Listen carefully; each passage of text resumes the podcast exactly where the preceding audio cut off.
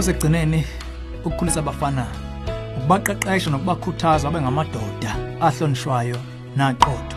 Kumsebenzi oyinzuzo ukutshala kuwo. La ohlelweni ezomndeni sizoletha izinkomba namasu asuka emsakazweni wakho.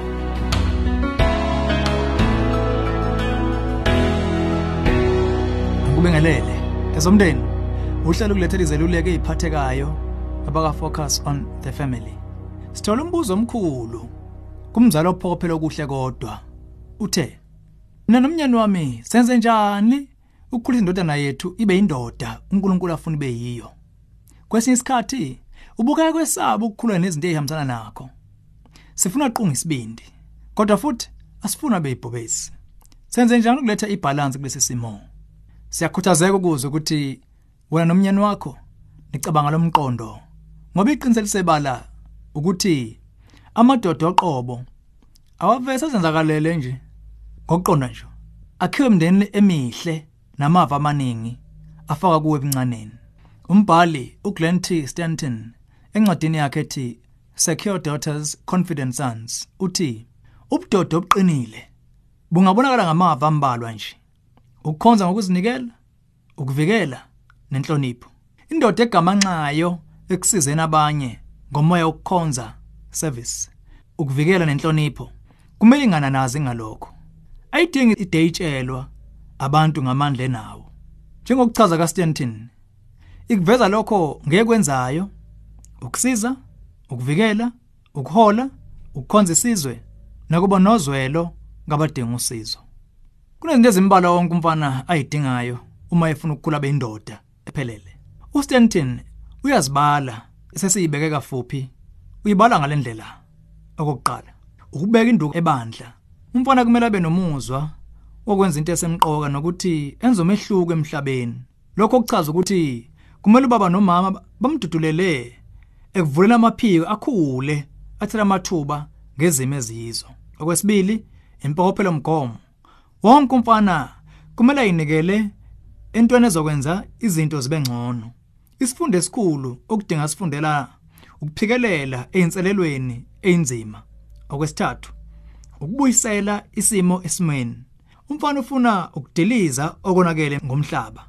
Ushisekela ukuphihliza ububi aphula imngcele aqha izinto bese eyibuyisela ngononina. Umama kudinga amyekela kwenze lokhu. Bese ubaba amkhombisa ukwenza ngokuphephile. Okwesine ukukhalipha. Umfana udinga ukwazi ukuthi ukhaliphile. Bafuna ukuba nenhlakanipho nokuba nokuqina. Uma bexa kwezemfundo badinga ukwazisa ukuthi phela kwehlukahlukene ukuhlakanipha. Okwesihlanu ukuzethemba ngokomzimba. Abafana bafuna ukubona imizimba yabo ikhula futhi baqonde imizimba yabo imizwa ukukhula ukufika nobhungu obukwelisela ebudodeni. Okwesithupha ukuyimela. Umfana udinga ukuba namaqhingasu strategies afunde ukusombulula inkinga namathuba amaningi okususa izinto kwa a ayiqalena. Okwesikhombisa ukuyishuka discipline. Umfana udinga ukwazi ukuyishuka ukuyiqeqesha umqondo ongagudluki ukuyithiba nokuthi njo emgomeni okuyikho okufikisana empokophelweni umfana nomgomo empilweni akathanda ukuba umasalela abe umva kwezinye. Umama nobaba bangamsiza abe semgqini okweshaka lombili inselelo. Kufuneka abafana badibane nokuphonsela inselelo ngamanye amadoda ngamanye amazwi badinga balolongi abayinkombandlela enhle ebudodeni. Shaka lolunye iqholo lokuhlonipheka. Ukuhlonipheka kuvela ngokukhonza iservice abanye ezidingweni zabo. Abafana banomuzwa weqholo lokuhlonishwa. Badinga ukuphiwa amathuba ukukhonza to serve abanye esigabeni sokuqina ngamandla hayi ngobuthakathaka. Okugcina kweshumi ukwemukeleka nenhlonipho. Umfana ufuna ukumukeleka nokuhlonishwa kontanga nabadala. Nokho kumele afunde ukuthi lokhu kuhlonishwa kuyasetshenzelwa. Kumele amadoda amadala kuye amenza athi ukujulujulukela ukuhlonishwa. Uma elandela uqeqesho lwabo komele bamnike umvuzo omfanele. Njengoba ke sesikhombisile wena nomnyeni wakho bese ngaqhamuka namanye futhi amava obudoda asemqoka angangeza kuloluhla azohambisana nemvelo yakhe isiqu nobuntu bomfana wakho.